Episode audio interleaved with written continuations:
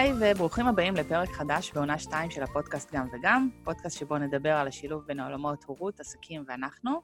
למי שעוד לא מכירים אותי, שמי שרון גולן, אני בלוגרית ומעצבת מוצרים לילדים והורים בנושא אוכל בריא, למידה ויצירתיות. בפרק היום אני מארחת את דנית בן דוד, היא הבעלים של פודקאסט על עקבים, פודקאסט על יזמות ואימהות, אה, וגם הבעלים של אודיו בריין, שזה טיפים, מדריכים וסדנאות להקמת פודקאסט מצליח. אה, וגם כתחביב יש לה בלוג אה, שנקרא מחברת המתכונים של דנית. אז יש לנו המון במשותף, דנית, מה נשמע? בסדר, מה שלומך, שרון? מצוין. אז בואי... כיף להיות פה. תודה. תודה שאת מארחת אותי. האמת שכאילו דיבר, דיברנו על זה שאנחנו, כאילו, יש לנו שני פודקאסטים שהם דומים במהות שלהם מבחינת הקונספט. נכון. אז בואי נדבר שנייה על, על, על הפודקאסט עצמו. מתי יצאת לדרך איתו, איך בכלל הגעת ל, לרעיון הזה של לפתוח פודקאסט, הרי זה לא משהו כזה נפוץ פה בארץ. נכון. אה, אוקיי, אז באמת אה, ככה, קודם כל אני מאזינה לפודקאסטים כבר המון שנים. בעלי הדביק אותי בחיידק הזה לפני איזה, נראה לי, חמש שנים. התחלתי עם הפודקאסט אה, של ליאור פרנקל, פופקורן, נראה לי שרוב האנשים yeah. כן. מכירים אותו. ו... וככה, אחרי שהפכתי להיות אימא, אה, הבן שלי כבר בן שלוש ושמונה, אה, הרגשתי מאוד אבודה, מאוד בודדה. גם כמישהי שעובדת מהבית, אז אה, רוב הזמן העבודה היא לבד. וזהו, ופתאום התווסף פה ילד, שהטיפול בו הוא מאוד מאוד אינטנסיבי. הוא גם לא היה תינוק פשוט לטיפול. הוא לא ישן כמעט במהלך היום, סבל מלא מגזים, היה מאוד מאתגר, אה, והרגשתי עבודה. פתאום הרגשתי שחטפתי כאפה לחיים שלי. כל החיים התהפכו 180 מעלות, מחופש מוחלט להשתעבדות. ו... ו... והרגשתי שאני חייבת פשוט uh, לדבר עם uh, נשים נוספות, א', להבין איך הן מתמודדות עם הטיפול ב... בילד. Uh, אני אציין שאצלי דווקא המצב היה קצת שונה, זאת אומרת, רוב האימהות הן uh, נשארות לבד בבית, לטפל בתינוק לבד, ואצלנו בעלי עובד איתי מהבית. אז לכאורה, כאילו, חלקנו מאוד בנטל, באמת, היה טיפול משותף. מהצד השני, עדיין הרגשתי גם איזשהו סוג של בדידות ורצון לדבר עם, אה, עם נשים נוספות שבמצב אה, שלי, בתור אימא. אה, ופשוט אני זוכרת שישבתי ערב אחד להרדים את הבן שלי, ותמיד בחדר החשוך, זאת אומרת, תמיד ככה כשיושבים בחדר חשוך, ישבתי על הכורסת הנקה, ותמיד באים לי ככה כל מיני רעיונות. ופשוט uh, קפץ לי לראש ככה הרעיון, וואי, אולי אני אקים פודקאסט ואני אדבר עם נשים. אני אזמין אותם להתראיין אצלי, ואני אדבר איתן על אימהות, על איך לנהל עסק, איך לשלב אותו עם, uh, עם, עם, עם ניהול של בית, של משפחה ו, וגידול ילדים. Uh, ו, כאילו, וזה די כזה נשאר במוח שלי ככה כמה זמן. שיתפתי את בעלי, שיתפתי חברה אה, טובה, שיתפתי את אחותי, וכולם אמרו לי, וואו, זה רעיון מעולה, את חייבת לעשות את זה, ובלה בלה בלה. וזה לקח כמה חודשים עד שבסוף זה קרה. אה, הרבה מזה בזכות בעלי שדחף אותי לשם, כי הוא ראה כמה, כמה זה חשוב לי. אה, וזהו, אני יכולה להמשיך לחפור על זה שעות. אז האמת שזה מצב אה, די דומה למה שלי היה, כאילו, עם כל. הדבר הזה. אני גם מאוד אוהבת פודקאסטים, וגם אה, חשבתי שכאילו אצלי זה בא דווקא לא מהכיוון של ה... רק הרצון לדבר עם אנשים, כי כבר עשיתי, כאילו היה לי איזשהו מין כזה דבר של אה, פגישות קפה עם נשים, שהייתי קובעת כאילו סתם רנדומלית מהפייסבוק אנשים שאני מכירה, והצעתי להם בואו נתפגש לקפה. ואמרתי כאילו, זה כזה מגניב להיפגש עם אנשים ולהקשיב להם, ולהבין מה, מה עובר עליהם וזה, וכאילו חבל שזה לא מוקלט. כי תכלס, כאילו, אני חושבת שעוד אנשים יכולים ליהנות מהשיחות האלה. אז, אה, אז זה ממש ממש כיף ש, שיצאת לדרך ועשית את זה. באמת שאני חייבת להגיד לך שאני כאילו, שמעתי את הפודקאסט שלך, איזה כמה פרקים, ואז הפסקתי, ואז חזרתי לזה לאחרונה והתחלתי לעשות בינג' מטורף כאילו אחורה. איזה זה, כיף. זה כזה, כאילו תפס אותי, אני חושבת שהתחלתי מהפרק עם רוחמה... ש, רוחמה סלע. רוחמה סלע, שגם כאילו תהיה פה. ו... וכאילו, היא פשוט ריתקה אותי. כאילו, זה מציג אנשים בצורה מה זה שונה מאיך שהם מוצגים בשאר הפלטפורמות. אז זה נכון. תענוג. וגם את נכון. מראיינת נהדרת, אז כאילו זה היה ממש כיף. אה, תודה, איזה כיף. איזה כיף. זה משהו שנראה לי עם הזמן אה, הפך להיות יותר קל. בהתחלה הייתי בסטרס מטורף, ממש. אז, אז על כמה פרקים את עומדת היום? 47, 47 פרקים, פרק מספר 47 יפורסם ממש בשבועיים הקרובים. אה, זהו, ואז אה, נתחיל לתאם עוד רעיונות. כן. אה, אז את יודעת מה? בואי נדבר דווקא על הקטע הזה של הפודקאסים, איך עושים את זה טכנית. אני חושבת שזה משהו שכמעט לא מדברים עליו, אה, וזה משהו שגם אני בהתחלה מאוד התקשיתי בו, בלהבין בכלל איזה ציוד אני צריכה, איך עושים את זה, איפה נפגשים, מה עושים, האם זה פיזית או אונליין, כמו שעכשיו אנחנו עושות, או... מה, צריך בשביל להתחיל, ויותר חשוב מזה, איך מתכננים, איך קובעים, איך מוצאים אנשים, אה, כמה מקליטים מראש, איך עורכים, כאילו כל ה... יש כל כך הרבה דברים שצריך לעשות, וזה היום, כאילו, שנה אחרי כבר זה נראה לי קל ופשוט, אבל זה שנה של למידה מאוד מאוד אינטנסיבית. אז ספרי קצת איך זה היה נכון. לך, ואיזה דברים כאילו את חושבת שחשוב לדעת בקטע הזה. וואו. קודם כל, יש כל כך הרבה דברים. אה, אני כל הזמן, זאת אומרת, אני, אני מפרסמת תכנים גם אה, באתר חברים הסגור שלי, וגם עושה לייבים, וגם אה, מפרסמת אה, המון המון טיפים וכאלה, וכאילו אני בשוק תמיד איך הנושאים לדבר עליהם לא נגמרים, שזה מדהים. אה, אז אני אתחיל עם איך היה לי. אז גם לי היה, הייתה עקומת למידה לא פשוטה בהתחלה, כבן אדם שהוא לא הגיע מאיזשהו, עם איזשהו רקע טכני. Uh, אני כן מודה שבאמת בהתחלה, uh, בעלי הוא גם איש טכני וגם uh, יותר, מבין, יותר הבין באמת בכל העניין של הסאונד והאודיו והכל, אז הוא עזר לי מאוד ככה להיכנס לעניינים. עשינו ביחד את, ה, את המחקר לגבי איזה ציוד, מה התקציב שאנחנו רוצים להגדיר, שזה דברים שבכלל חשוב לשאול. כל מי שרוצה להתחיל פודקאסט, חשוב שישאל את עצמו, א', מה התקציב שלו לציוד, לפני שהוא בכלל הולך ו, ובודק ציוד או רוכש ציוד, לבדוק מה התקציב, כי בלי לדעת פחות או יותר כמה רוצים להשקיע, אז אי אפשר להתקדם. אמ, ואז בעצם הבנו כמה אנחנו רוצים להשקיע, או כמה אנחנו יותר נכון מוכנים להשקיע בסיפור הזה. אה, והתחלנו פשוט לחקור, ממש, כאילו, ממש כאילו לראות סרטונים ביוטיוב ולחפש מידע באנגלית. בארץ אז לא היה הרבה מידע, היום יש הרבה יותר. ולקח לנו חודשים. ואחת הסיבות גם שזה התעכב חודשים, גם בגלל החששות שלי, וגם בגלל שלא ידענו פשוט מה צריך, ועד שכבר החלטנו על ציוד, אז uh, איפה מאחסנים, ואיזה שירות, באמת, אני חושבת שבדקתי איזה 20 שירותי אחסון, והתחלתי להתבלבל, לא ידעתי כבר מה, מה ללכת, עד שבסוף אמרתי, אוקיי, די, צריך כאילו להחליט, uh, וסוג של הימרנו כזה. איפה את מאחסנת היום, דרך אגב, אם כבר אנחנו... בפודבין, כן. שהוא אחלה שירות אחסון. איפה את מאחסנת? גם. את שלך? פודבין. אני כאילו אני קראתי. המלצות על כמה, האמת שהיום, בכמה חודשים האחרונים רצה המלצה על איזה שירות אחר של באז ספראוט. באז ספראוט, שהוא גם אחלה. ההבדל, אה, אבל כאילו גם צריך להסתכל, אני חושבת על העלויות, אה, גם של הציוד, כאילו מיקרופון, ואם צריך מצלמה או משהו כזה, אבל גם בקטע של האחסון, להבין שבאמת יש פה עלויות קבועות, שנתיות, שהן לא המון, אבל כאילו הם, זה עולה. כן, אז זהו, אז יש גם שירותים חינמיים, לא חובה ללכת לשירותים בתשלום. אני פשוט רציתי...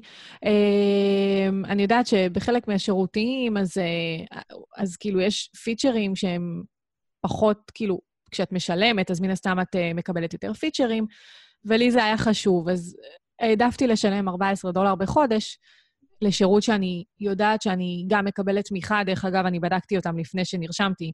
פשוט אה, שלחתי להם טיקטים לתמיכה ורציתי לראות את הזמן תגובה שלהם ולראות את המענה שלהם. אה, זה גם משהו שהוא חשוב. היה להם, דרך אגב, בעבר שירות תמיכה בצ'אט, אוקיי. והיום הם הורידו את זה, הם שמו את זה רק למי שפותח אה, חשבון ביזנס או משהו כאילו בתשלום יותר גבוה. אבל אני, אחד מהשיקולים שלי היה להצטרף לפודבין, למשל, זה שהיה להם שירות תמיכה בצ'אט. הייתי פשוט על כל דבר שהייתי נתקעת, הייתי פונה אליהם בצ'אט ומדברת uh, עם נציג. אז לצערי הם הורידו את זה, אבל הם עדיין אחלה שירות. Um, אז זהו, אז נכון, כן, עלות של 14 דולר לחודש או 9 דולר לשנה מראש, זו עלות שהיא היא, היא נסבלת. מה גם ש... שזה מאוד תלוי למה את רוצה להתחיל פודקאסט. אם את רוצה לעשות פודקאסט כי את רוצה אה, לחזק את המותג שלך, את רוצה להנגיש את הידע, את רוצה להביא עוד לקוחות לעסק, את, אז, אז 14 דולר לחודש זה כלום, זה, זה חלק מהוצאות השיווק מבחינתי. נכון. ככה אני חושבת. אז, אה, אז אה, גם אצלך כאילו זה היה בקטע של גם להגדיל את השיווק של ה אקס-אקס, זאת אומרת, מה, מה המטרות מעבר ל- להכיר אה, נשים ולדבר איתם? כי אוקיי. נראה לי להוציא על זה כסף זה, זה כאילו כיף, אבל זה יותר בכיוון של תחביב, ואצלך זה לא תחביב. אז כאילו... לא, זה לחלוטין תחביב. זאת אומרת, הפודקאסט שלי, קודם כל אני אגיד שבכלל, לא דיברנו בכלל על הדבר הזה, אבל אני כבר בתחום האינטרנט מעל עשור, לי ולבעלי יש עסק אה, לפיתוח אה, תוספים לאתרי מסחר אלקטרוניים, זה מוצרים שנמכרים אונליין, זה פשוט תוספים של וורדפרס. אוקיי. אוקיי. נכון, שנמכרים אונליין, ונמכרים בעצם לכל העולם. עכשיו, זה העיסוק העיקרי. הפודקאסט באמת לא קשור לכלום, פשוט הקמתי אותו נטו, נטו, נטו מתוך מטרה להפיג את הבדידות שלי, אה, עצוב ככל שזה יישמע. כאילו, אני זוכרת שדיברתי עם המרואיינת הראשונה שלי לפודקאסט, עם חן, חן קאופמן, שהכרתי אותה עוד, אה, אני מכירה אותה מהגן, אה, ממש, כאילו, way back. ו... ופתאום גיליתי גם, אה, ככה לפני הלידה, שאנחנו גרות אחת ליד השנייה, בדיוק עברנו דירה. ואז החלטתי שאני רוצה שהיא תהיה המרואיינת הראשונה שלי לפודקאסט, כי הרגשתי שאני חייבת מישהי שאני מכירה אותה, כדי להפיג את הלחץ. הייתי, שזה טיפ שאני נותנת המון למי שלחוץ מראיונות, להזמין אנשים בהתחלה, אנשים שהוא מכיר. וזה מאוד עזר לי. אמ, אז אני זוכרת שדיברתי איתה בטלפון, אמרה לי, למה את רוצה לעשות את זה? כי גם דרך אגב, אז כאילו אנשים ממש, כמו שאמרת, לא ידעו מה זה פודקאסט. אני הרגשתי שאני סוג של יצור מוזר שרוצה לעשות פודקאסט, וכאילו, עוד לנשים, שאז גם בעבר נשים הרבה פחות ידעו מה זה בכלל פודקאסט. לרוב אנשי ההייטק היו מאזינים לפודקאסט. אה, אז אמרתי לה, תקשיבי, אני יודעת שזה נשמע הזוי, אבל פשוט אני מרגישה בודדה, כאילו... וזהו, כאילו, זו הסיבה. אז זה לא קשור לעסק שלי בשום צורה שהיא.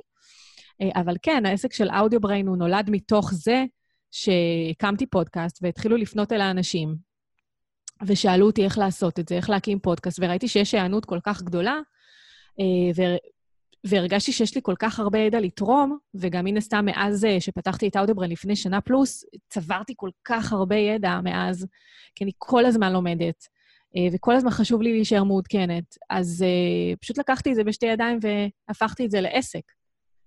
אבל הפודקאסט נטו נטו תחביב, נטו, ממש. זה, זה פשוט כיף לשמוע את זה, כי זה כאילו משהו, היום לפחות, שאנחנו רואים את הפודקאסטים מתחילים לעלות פה בארץ, ובחו"ל אנחנו כאילו רואים בארצות הברית וכאלה שזה כבר ברמה של מתפוצץ, כמו שהבלוגים היו בזמנו. אה, אבל עדיין בארץ, כאילו, כשמסתכלים בקבוצות של פודקאסטים וכאלה, עדיין מדובר על כמות של כמה מאות, ו- ולא מעבר לזה. אני חושבת שכאילו, יכול להיות שיש יותר, אבל פשוט לא מאונדקסים בשום מקום. אה, אבל זה הפך להיות משהו שהוא נורא גם טרנדי לאחרונה, ל, אוקיי, אני רוצה לשווק את העסק שלי, בואו נפתח פודקאסט. ו, וצריך להבין שקודם כל, יש פה, כמו בהרבה דברים בעסק, יש עקומת למידה, וגם יש צורך, אני חושבת, מאוד מאוד חשוב בהתמדה. אחד הדברים ש, שמאוד בולטים אצלך זה כאילו 47 פרקים שמשוחררים אחת לחודש, כרגע אחת לשלושה שבועות, אה, כי זה, אה, זה מה שאני יכולה לאפשר כרגע. אה, תקופה ארוכה זה היה אחת לשבוע. אה, באמת, איזה 27 פרקים, אני חושבת, אחת לשבוע, עד שקרסתי, כן. ממש, ליטרלי. אה, והבנתי שזה משתלט לי על החיים, והבנתי שאם אני לא רוצה להפסיק את הדבר הזה, אני חייבת לרווח את הפרקים. חייבת. זה מה שעשיתי. כמה, כמה זה היה משמעותי מבחינת הכניסות, ההורדות וכאלה, ההבדל בין פעם בשבוע לפעם בשלושה שבועות? תראי, אני יכולה להגיד לך, זהו, שזה שינה. אבל לא משמעותית, כי כשאני התחלתי את הפודקאסט, הרבה נשים לא ידעו בכלל מה זה, אז הייתי צריכה קודם כל בכלל ללמד אנשים, או יותר נכון, כאילו, שוב, נשים, כי זה קהל היעד שלי, למרות שיש לי גם גברים שמאזינים, וקיבלתי פידבקים גם מגברים. אה, הייתי צריכה בכלל ללמד אותם מה זה, להגיד, להסביר להם איך בכלל מורידים אפליקציה, אה, כאילו, ממש ברמה הבסיסית הזו, אני עשיתי המון, אה, יש לי באתר של הפודקאסט, ממש הסבר, איך, איך אה, להאזין לפודקאסט מהנייד, מה זה פודקאסט, אה, איזה אפליקציות אפשר להוריד. היום, אני לא, אני לא יודעת, כאילו, בגילאי ה-30-40 כזה, שזה ה... בערך קהל היעד של הפודקאסט שלי, 20 ומשהו עד 40 ומשהו, אז, אה, אז היום רוב הקהל הזה כן יודע מה זה, ויודע מה זה גוגל פודקאסט, יודע מה זה אייטיונס, יש את ספוטיפיי שנכנסו לתחום הפודקאסטים, שהרבה מאזינים דרך ספוטיפיי, אז היום אני כבר לא שם. אז, כן. אה, אז כאילו, אני יכולה להגיד שאני יודעת בוודאות שאם אני אחזור לפרסם פרק היום, בנקודת זמן של היום, פעם בשבוע, זה, זה יקפיץ את ההאזנות בצורה משמעותית, אבל אני, אני לא יכולה לאפשר לעצמי את זה. זה לא, זה לא העסק העיקרי שלי. יש לי, א', את העסק המהותי שלי ושל בעלי, שזה העסק הכי יקר והכי, אה, הנכס הכי יקר לי, אה, כי הוא, הוא באיזשהו מקום נכס אה, פסיבי ברובו. וזה מה שהציל אותי גם אה, אותנו אחרי הלידה, אני חושבת, שבנינו לעצמנו נכס כזה, כי הייתה לי תקופת החלמה לא פשוטה. אה, ו... ומן הסתם אודיו בריין, שהוא מאוד מאוד יקר לי גם, כי אני מאוד אוהבת אותו, ואני להוטה לדבר על, ה... על העולם הזה, על עולם הפודקאסטים כל כך, ואני לא רוצה לוותר עליו. אז, אז הפודקאסט תופס מקום אה, שלישי כרגע. כן. אז בואי נדבר שנייה על תכנון קדימה. אה, כי אצלי זה קצת שונה, אני חושבת, מ- מרוב הפודקאסטים, שנגיד ליאור פרנקל, אני יודעת שהוא פעם בשבוע מקליט, ויש לו מישהו שעורך, ויש כאילו, יש צוות סביבו כזה, והוא מעלה כל שבוע במשך כבר שנתיים או משהו כזה, או יותר. אה, אצלי אני עשיתי את זה שונה בגלל באמת בעיות של אה, חוסר בזמנים ו...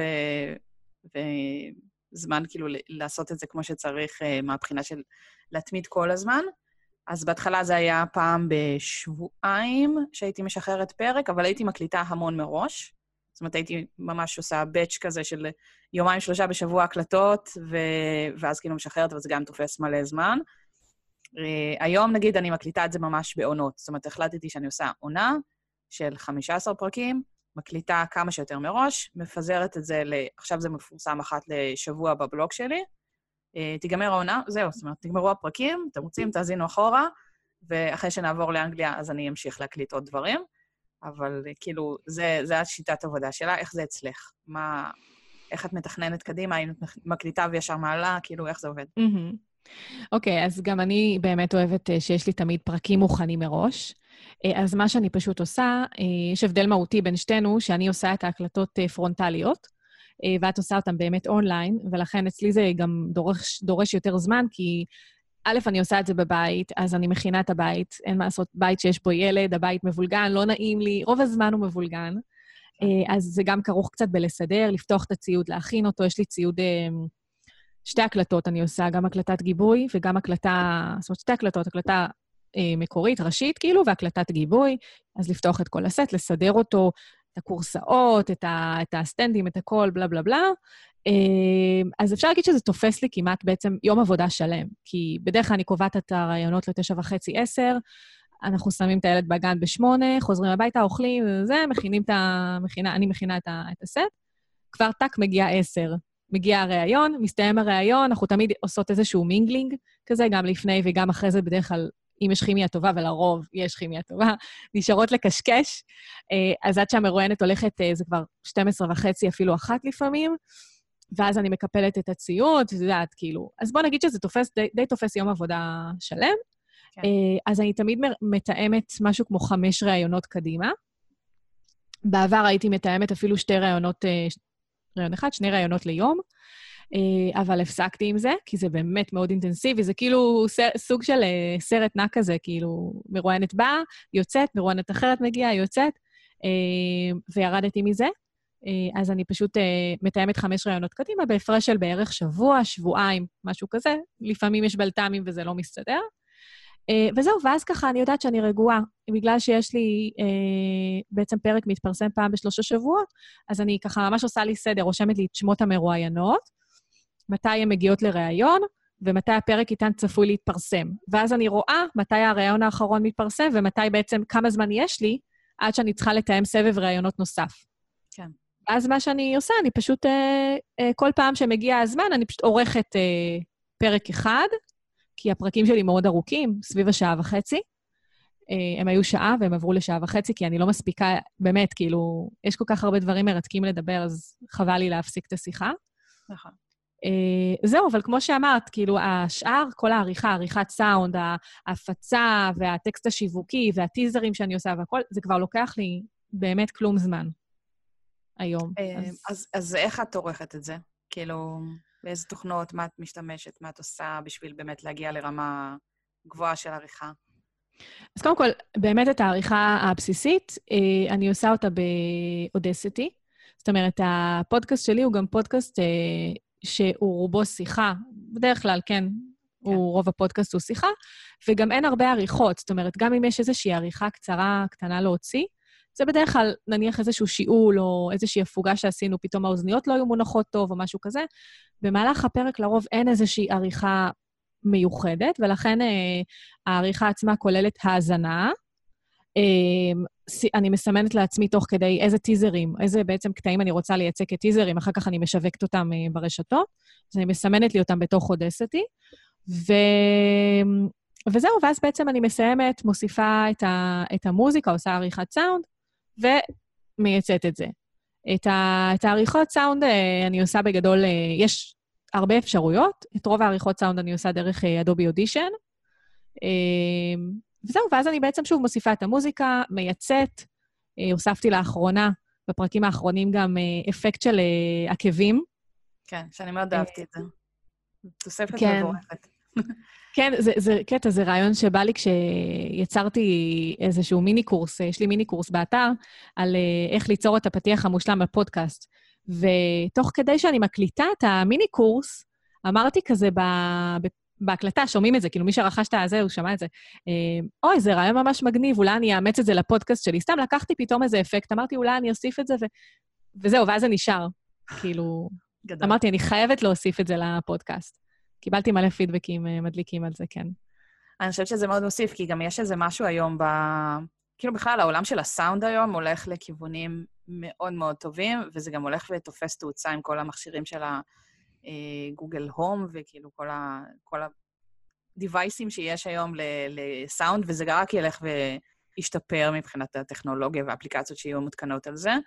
אה, ובאמת, משהו שמאוד מדובר זה נושא של חתימת קול. זאת אומרת, צלילים שאנחנו מכירים, אה, שזה דומה מאוד ל- לריח שאנחנו יודעים, נגיד שנכנסים לחנות, אז יש את התביעת ריח של החנות, אז גם בפודקאסטים יש את התביעת סאונד של הפתיח המיוחד שאנחנו אוהבים, או משהו כזה, ויש באמת המון פודקאסטים, גם ישראלים היום, שאני שומעת, שכאילו עושים דברים ממש ממש מגניבים, אה, מוזיקה מקורית, כל מיני דברים אה, יפים כאלה, שזה באמת כל כך כיף, כי את מתחילה לשמוע פרק, ואז אתה שומעת את ה...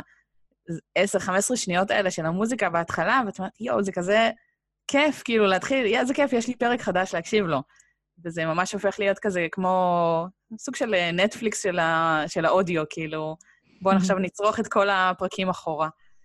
אמ, דווקא מה שרציתי לדבר איתך, קודם כל, אנחנו באמת לא נגענו בעסק המרכזי שלכם, אה, שאני חושבת שזה מאוד מאוד מעניין כן לשמוע גם מתי התחלתם ומה בדיוק אתם עושים, כאילו, כי זה, את יודעת, זה הבסיס להכל. אמ, אז בואי תספרי עליו קצת. אוקיי, okay, אז בגדול, אה, באמת אה, ככה, אני, אני אגיד שככה בעבר הרחוק, באמת לפני יותר מעשור, אז גם אני וגם בעלי היינו שכירים. אה, אנחנו מכירים המון המון שנים. אנחנו ביחד איזה 16 שנה, אפילו יותר, כאילו אולי כ... באמת, 16-17 שנה, היינו גם ידידים לפני כן, ומהרגע שאנחנו בעצם הפכנו להיות זוג, פחות או יותר כזה מההתחלה, אז, אז, אז כאילו, יותר נכון בעלי הדביק אותי בחיידק הזה של הרצון אה, אה, לעשות איזשהו, לגשש בתחום האינטרנט, התחלנו ללכת, אה, אז עבדנו כשכירים, לא התפרנסנו מזה, אלא יותר פשוט חיפשנו מידע והתנסינו, עשינו כל מיני כזה שטויות אונליין, הקמנו אתרים, אה, סליחה, הקמנו אתרים והתנסינו, והיינו הולכים לכל מיני כנסים שקשורים לשיווק באינטרנט, שאז לא היה מוכר בכלל, בכלל, כאילו, זה היה תחום מאוד חדש. אה, וזהו, כאילו, ועבדנו במקומות עבודה, ותכלס, כאילו, את יודעת, זה היה מאוד על אש קטנה, זה היה סתם התנסויות כאלה מדליקות שלא הובילו לשום מקום. אה. וזהו, באיזשהו שלב פשוט הבנו שאנחנו רוצים כן להפוך את זה ממש לעסק ממשי, ושאנחנו רוצים כן שיהיה לנו את ה... אה, האיזון הזה של אז עוד לא היינו נשואים וגם לא היה לנו ילד, אבל כן הבנו שאנחנו רוצים את האיזון הזה בין בית לעבודה, והחלטנו שאין זמן מתאים יותר, כאילו פשוט מצאנו לעצמנו את התזמון המתאים לצאת לעצמאות ולעזוב את מקומות העבודה, ועשינו את זה. ו... ואז באמת, זאת אומרת, מן הסתם רק אחרי שעזבנו, אז הצלחנו באמת להניע את ה... את יודעת, את הגלגלים ו, ולה, ולפרוץ עם זה, כי אין מה לעשות. זאת אומרת, עד אז היינו אה, לומדים וצורכים מידע ועושים הכל בזמן הפרטי שלנו. כל חופש שהיה לנו, כל סוף שבוע, כל, כל זמן פנוי, באמת כל זמן פנוי היה מוקדש לללמוד. לללמוד, לגשש אונליין, לעשות ניסיונות וכאלה. אמ, ורק אחרי שעזבנו את מקומות העבודה, אז באמת אה, התחלנו לפתח את העסק הזה. ו, ובעצם אנחנו, שוב, ככל שהזמן עבר, אז, אז הצלחנו יותר ויותר אה, לפרוץ איתו ולהגדיל אותו. ובאמת, אה, כשהבן שלנו לא, נולד, אז, אז פשוט זה הוכיח את עצמו, כי, כי היה לנו איזשהו נכס פסיבי, ששוב, זה לא, אין דבר כזה פסיבי 100%, תמיד יש, כן. יש תמיכה ויש דברים שצריך לעשות וצריך לתחזק עסק וצריך לשווק אותו, אבל כן היינו כבר במקום שיכלנו גם כבר להקדיש יותר זמן, את הזמן שהיינו צריכים לטיפול בילד שלנו, שדרש אה, הרבה זמן, כמו שאמרתי, וגם אה, להמשיך אה, להחזיק את העסק על אש קטנה בזמן אז, הזה. איך זה, אז איך, קודם כל, איך הגעתם לפתח תוספים לוורדפרס? זה לא משהו כזה סטנדרטי מבחינת מקצועות פה בארץ. אז האמת שפשוט, קודם כל, כמו שאמרתי כבר מקודם, בעלי הוא איש טכני, הוא גם מבין ב... הוא לא מתכנת כאילו ב... ב title שלו, אבל הוא מאוד אוטודידקט, הוא למד המון דברים לבד, הוא מגיל קטן מתעסק עם מחשבים. אה, איכשהו הגענו לתחום הזה של אה, אתרי חברים, אתרי מסחר אלקטרוניים, התחלנו שם לעשות כל מיני, אמרתי לך, אה, ניסיונות על עצמנו, לפתוח לעצמנו אתרים, ופשוט התחלנו ל- לראות שיש ביקוש. ממש נפלנו על נישה, על נישה ש... שהייתה מאוד לא, לא פופולרית, יותר נכון, מאוד בהתחלה שלה, בחיתולים שלה. ו... ועשינו הימור, פשוט, לקחנו הימור. הימור מחושב כמובן, אבל לקחנו איזשהו הימור, והתחלנו לפתח, כאילו, הרעיונות הם של שנינו, את כל הדברים עשינו ביחד, אבל הפיתוח כמובן הוא היה אחראי, גם היינו מעסיקים, אה, אנחנו מעסיקים מדי פעם גם אה, מתכנתים חיצוניים, וכל השיווק וכל ההפצה והכול, אז אני בעצם הייתי אחראית. תמיד שואלים אותנו, האם אנחנו עושים שנינו את כל העבודה, או שיש חלוקה? אז יש חלוקה, ברור. כן. אמ, אז ככה, פשוט באמת, כאילו, כל פעם עוד, עוד תוסף, עוד, עוד משהו, עוד משהו. המון היינו בקשר עם, אה, עם לקוחות ועם אנשים שרצו פיתוחים, הקשבנו למה הם רוצים. ומה שהיה, שהיה נראה לנו שיש לו ביקוש, או שיהיה לו ביקוש, הלכנו ופיתחנו. וזה התגלגל, פשוט. מגניב. וכמה כאילו, תוספים יש לכם היום באוויר? הרבה.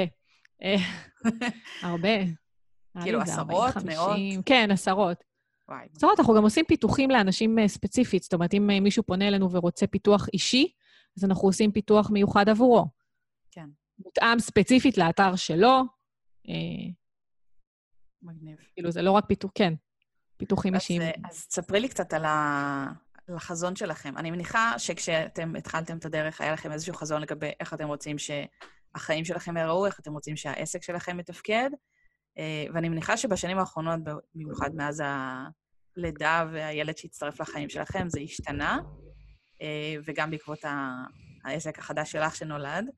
אה, אז ספרי לי איך זה היה אז ואיך זה היום, זאת אומרת, מה היה החזון שלכם? החזון שלנו, אני חושבת, תמיד היה, והוא עדיין, לאפשר לעצמנו לשלב בצורה טובה בין בית, משפחה, לבין העבודה. זאת אומרת שגם נוכל להתפרנס בכבוד, וגם אה, נוכל להיות אה, עם הילדים, כרגע זה ילד, אבל בכללי, כן. אה, עם הילדים שלנו. אה, אז זה מתבטא למשל אה, בזה שלמשל אנחנו אלה שלוקחים אותו לגן בבוקר, כל, כל, אולי זה קצת פינוק אובר, אבל אנחנו אוהבים ללכת ביחד, לרוב אנחנו לוקחים אותו ביחד לגן. אחרי צהריים אנחנו אוספים אותו ונמצאים איתו כל אחר צהריים. אה, בדרך כלל גם אנחנו ביחד. 99.9% מהזמן שנינו ביחד איתו אחרי צהריים. למשל, עכשיו הוא היה שבוע חולה בבית, אז uh, סופר פינוק היה גם עם אבא וגם עם אימא, ופשוט עשינו כל פעם כזה רוטציה, אה, ניסינו תוך כדי, נניח uh, בעלי עבד, אז אני הייתי איתו, ולהפך. Um, אז כאילו, מבחינת החזון הוא היה ועדיין, לשלב בצורה טובה בין בית uh, לבין uh, בין משפחה לבין עבודה. Uh, זהו, עכשיו, ברור שהעסק של אודיו בריין אה, שהתווסף פה לעניין, אה, מצריך יותר זמן, אה, אנחנו פשוט מנסים כל הזמן למצוא את האיזון הזה, איך לחלק את הזמן בצורה נכונה בין שני העסקים, וכל הזמן לשאול את עצמנו, מה עכשיו הכי דחוף לטפל בו. זו התמודדות שהיא כאילו יומיומית, באמת. כל הזמן לשאול את עצמנו. התארח פה שמעון שומרון, שהוא גם עובד בזוג עם חן אשתו, והוא גם דיבר על הנושא הזה, זאת אומרת שהם שניהם עובדים מהבית, שניהם עם... עם הילד, והם חולקים ביניהם, יש להם כאילו הגדרה מראש איזה שעות הוא לוקח את הילד, איזה שעות היא עם הילד, כאילו ממש חלוקת עבודה גם מבחינת הזמן שמתאפשר להם לעבוד. אה, אז איך זה, איך זה אצלכם? איך זה לעבוד בזוג? זאת אומרת, זה נראה לי משהו... נגיד, אני לא בטוחה שאנחנו היינו מצליחים לעבוד בזוג, אפילו שאנחנו מאוד עובדים בשיתוף פעולה בשאר התחומים, אבל יש מצב שהיינו עולים אחד לשני על העצבים, אז איך זה עובד אצלכם? אוקיי, okay, אז תראה, שוב, אנחנו כבר המון שנים עובדים ביחד, ותמיד כששואלים אותי את השאלה הזו, אני אומרת, אה, עדיין לא הרגנו אחד את השני, אז כנראה שיחסית אנחנו מצליחים לשרוד. אה, אין ספק שלפעמים זה קשה. זאת אומרת, אין ספק שלפעמים יש ויכוחים, וזה תמיד, אה, כאילו, אין פה חלוקה ברורה בין בית לעבודה. אנחנו לפעמים, גם כשהבן שלנו נמצא, אז יש, דיב... תוך כדי אנחנו מדברים, אם, אם זה על משהו שצריך לפתח, משהו שצריך לעשות, לשנות, כאילו, תמיד יש דיבורים תוך כדי. אה, אבל אה, אנחנו בסך הכל, אה, בסוף אני חושבת, כאילו, תמיד מגיעים לאיזושהי הסכמה. כי, כי כמו שאמרת, כי החזון הזה ברור לנו. הרצון הזה תמיד להצליח לשלב בין בית, משפחה, לבין העבודה, הוא זה שגם בסוף מכוון אותנו, עוזר לנו לכוון את עצמנו, למשל, לפרויקטים הנכונים, לדבר הנכון, מה כן באמת צריך לקבל קדימות, מה פחות. מגניב. אמ, אז איך את מתכננת השבוע שלך? זאת אומרת, האם יש לך איזשהו לו"ז קבוע, יש לכם איזה פגישת uh, צוות, so called, uh, ביניכם, לתכנן מה עושים, איך הם מחלקים את השבוע, מה, מה כל יום uh, קורה? כי אני מניחה שגם עכשיו לילד יש את הלו"ז שלו שמתחיל להתהוות וחוגים, דברים כאלה, כאילו. אז זהו, אז עוד לא הגענו לשלב החוגים, נראה לי ששנה הבאה זה כבר התחיל, אבל uh, אני בכל מקרה, uh, מבחינת נניח הלו"ז אחר הצהריים, זה תמיד הילד בעדיפות. זאת אומרת, נניח יום עבודה, זה בוקר, כשהילד בגן, עד השעה ארבע, משהו כזה שאנחנו אוספים אותו. גם שיחות, למשל, בין אם זה שיחות... עם לקוחות, או לקוחות פוטנציאליים, או אפילו תיאום רעיונות לפודקאסט, לא משנה, כאילו, באמת. אה, אני עושה אותם בשעות היום, ואם לא, אז אני מבקשת לחזור למחרת, כי... שוב, חלק מהחזון שלנו זה להיות עם הילד שלנו, ואני מודה שאני לא מאה אחוז אה, מתנתקת מהטלפון כשאני עם הילד שלי, כאילו, לא, לא מצליחה, מכורה. אני בודקת מיילים, ואני מסתכלת בפייסבוק, וזה תוך כדי שהוא נמצא, אבל שיחות טלפון וכאלה אני לא, אני לא עושה. אם יש משהו דחוף, אני לא יודעת, אה, קריטי, אין לי מושג. למשל, יש לי סדנת אונליין, וקרה, למשל, ואחד אה, המשתתפים לא הצליח, למשל, להוריד את ה... להתקין את התוכנה. אז ברור, אני ארים עליו טלפון, כי ברור, שיש פה גם שיקול דעת. אני ארים טלפון, אני כן אדבר, אבל בכללי, אם זה משהו שהוא סובל דיחוי למחר בבוקר, אני לא... אני אקדיש את הזמן ללהיות עם, ה, עם הבן שלי. ומבחינת התכנון לו"ז, אני מודה ש... אני יודעת, אני רואה הרבה אנשים שעושים לעצמם גאנט חודשי, גאנט אה, שנתי. מלחיץ אותי המילה הזו, גאנט. כאילו, אני לא יודעת, אני לא מצליחה לתכנן את זה בצורה הזו. אה, זה באמת כל יום ביומו. זאת אומרת, יש לי איזושהי מחברת משימות, שאני כל פעם מוסיפה כדי שהמוח שלי לא יהיה טרוד, אה, גם ככה טרוד ב-200 דברים, אז כדי שאני לא אהיה בלחץ שאני אשכח לעשות משהו, אני פשוט כותבת לי במחברת שלי עוד משהו שיתווסף נניח לרשימה, ואז בבוקר אני פשוט יושבת מול כל המשימות האלה ומסמנת לעצמי אה, מה היום הכי דחוף לעשות, ומה דחוף אבל סובל דיחוי, וכאילו, ומתקדמת שם.